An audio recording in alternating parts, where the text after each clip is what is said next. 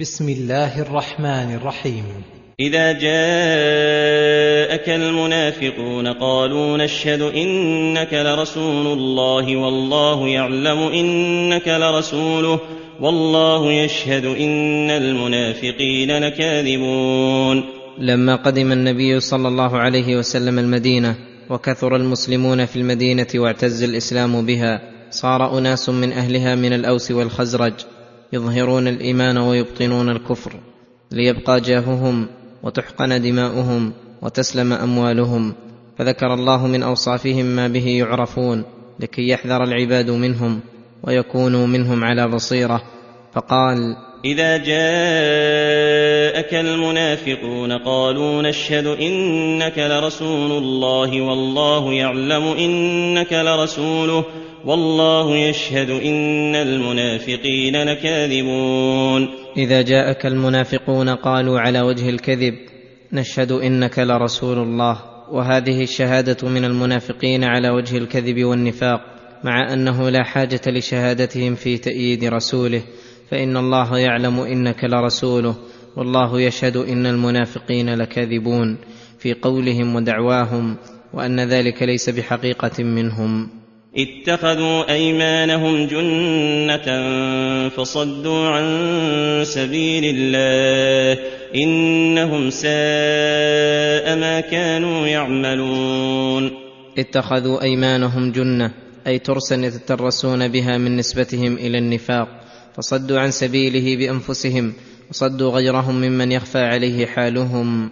إنهم ساء ما كانوا يعملون. حيث أظهروا الإيمان وأبطنوا الكفر وأقسموا على ذلك وأوهموا صدقهم.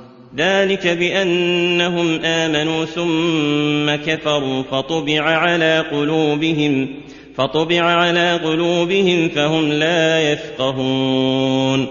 ذلك الذي زين لهم النفاق بسبب أنهم لا يثبتون على الإيمان بل آمنوا ثم كفروا فطبع على قلوبهم بحيث لا يدخلها الخير ابدا.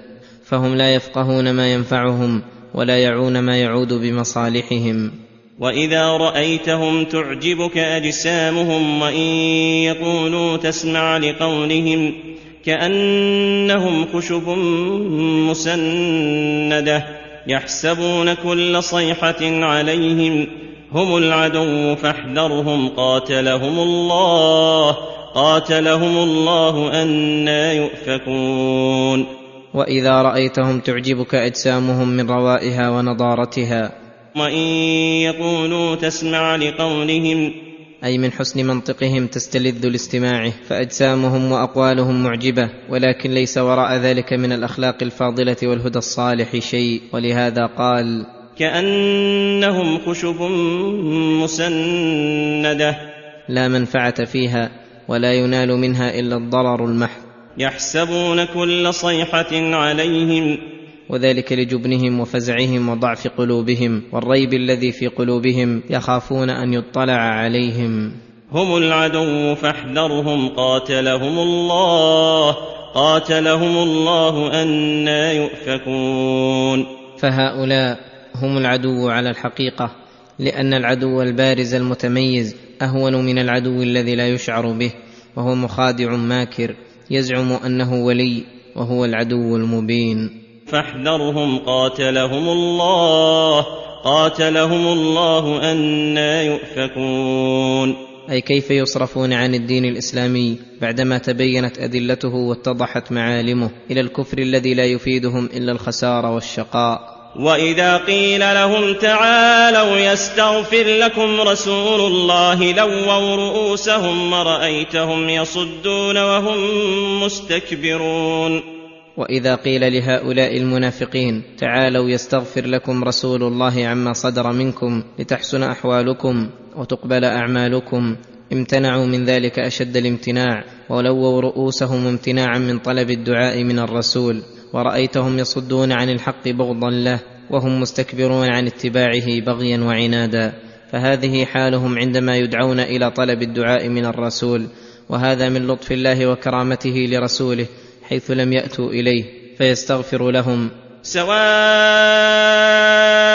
عليهم لاستغفرت لهم أم لم تستغفر لهم لن يغفر الله لهم ان الله لا يهدي القوم الفاسقين. فانه سواء استغفر لهم ام لم يستغفر لهم فلن يغفر الله لهم.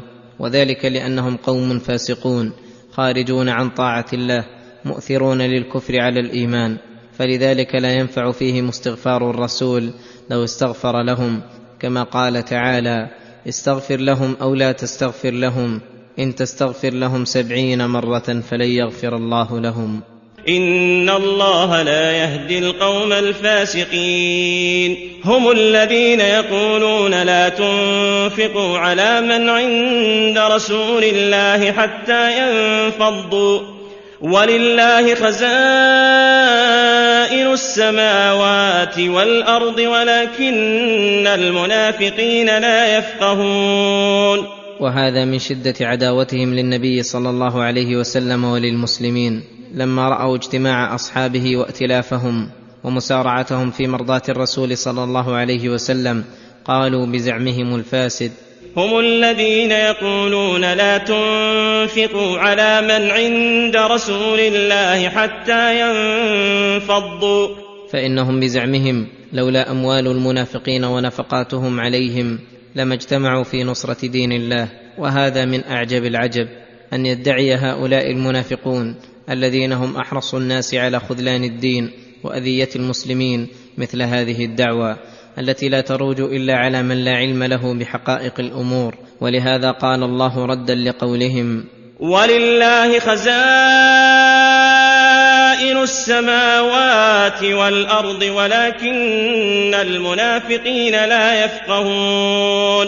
ولله خزائن السماوات والأرض فيؤتي الرزق من يشاء ويمنعه من يشاء وييسر الأسباب لمن يشاء ويعسرها على من يشاء. ولكن المنافقين لا يفقهون.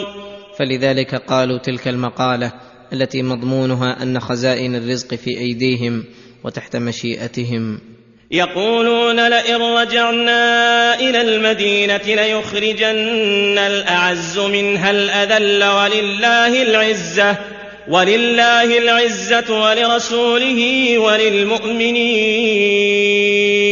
ولكن المنافقين لا يعلمون. وذلك في غزوة المريسيع حين صار بين بعض المهاجرين والأنصار بعض كلام. كدر الخواطر ظهر حينئذ نفاق المنافقين وأظهروا ما في نفوسهم. وقال كبيرهم عبد الله بن أبي بن سلول ما مثلنا ومثل هؤلاء يعني المهاجرين إلا كما قال القائل غذ كلبك يأكلك. وقال لئن رجعنا إلى المدينة ليخرجن الأعز منها الأذل بزعمه أنه هو وإخوانه من المنافقين الأعزون وأن رسول الله ومن معه هم الأذلون. والأمر بعكس ما قال هذا المنافق فلهذا قال تعالى ولله العزه ولرسوله وللمؤمنين. ولله العزه ولرسوله وللمؤمنين فهم الاعزاء والمنافقون واخوانهم من الكفار هم الاذلاء. ولكن المنافقين لا يعلمون. ولكن المنافقين لا يعلمون ذلك. فلذلك زعموا أنهم الأعزاء اغترارا بما هم عليه من الباطل. ثم قال تعالى يا أيها الذين آمنوا لا تلهكم أموالكم ولا أولادكم عن ذكر الله ومن يفعل ذلك فأولئك هم الخاسرون. يأمر تعالى عباده المؤمنين بالإكثار من ذكره فإن في ذلك الربح والفلاح. والخيرات الكثيرة وينهاهم أن تشغلهم أموالهم وأولادهم عن ذكره. فإن محبة المال والأولاد مجبولة عليها أكثر النفوس فتقدمها على محبة الله وفي ذلك الخسارة العظيمة. ولهذا قال تعالى ومن يفعل ذلك فأولئك هم الخاسرون. ومن يفعل ذلك اي يلهه ماله وولده عن ذكر الله فأولئك هم الخاسرون للسعادة الأبدية والنعيم المقيم لأنهم آثروا ما يفنى على ما يبقى. قال تعالى إنما أموالكم وأولادكم فتنة الله عنده أجر عظيم. وقوله وأنفقوا مما رزقناكم من قبل أن يأتي أحدكم الموت من قبل أن يأتي أحدكم الموت فيقول رب لولا فيقول رب لولا أخرتني إلى أجل قريب فأصدق وأكن من الصالحين. وأنفقوا مما رزقناكم. يدخل في هذا النفقات الواجبة من الزكاة والكفارات ونفقة الزوجات والمماليك ونحو ذلك والنفقات المستحبة كبذل المال في جميع المصالح. وقال مما رزقناكم ليدل ذلك على أنه تعالى لم يكلف العباد من النفقة ما يعنتهم ويشق عليهم بل أمرهم بإخراج جزء مما رزقهم الله الذي يسره لهم ويسر لهم أسبابه فليشكروا الذي أعطاهم بمواساة إخوانهم المحتاجين وليبادروا بذلك الموت الذي إذا جاء لم يمكن العبد أن يأتي بمثقال ذرة من الخير. ولهذا قال من قبل أن يأتي أحدكم الموت فيقول رب لولا. من قبل أن يأتي أحدكم الموت فيقول متحسرا على ما فرط في وقت الإمكان سائلا الرجعة التي هي محال. فيقول رب لولا أخرتني إلى أجل قريب. أي لأتدارك ما فرطت فيه فأصدق من مالي ما به أنجو من العذاب وأستحق به جزيل الثواب. فأصدق وأكن من الصالحين. بأداء المأمورات كلها واجتناب المنهيات ويدخل في هذا الحج وغيره وهذا السؤال والتمني قد فات وقته ولا يمكن تداركه ولهذا قال ولن يؤخر الله نفسا إذا جاء أجلها. ولن يؤخر الله نفسا إذا جاء أجلها المحتوم لها. والله خبير بما تعملون. من خير وشر فيجازيكم على ما علمه منكم من النيات والأعمال.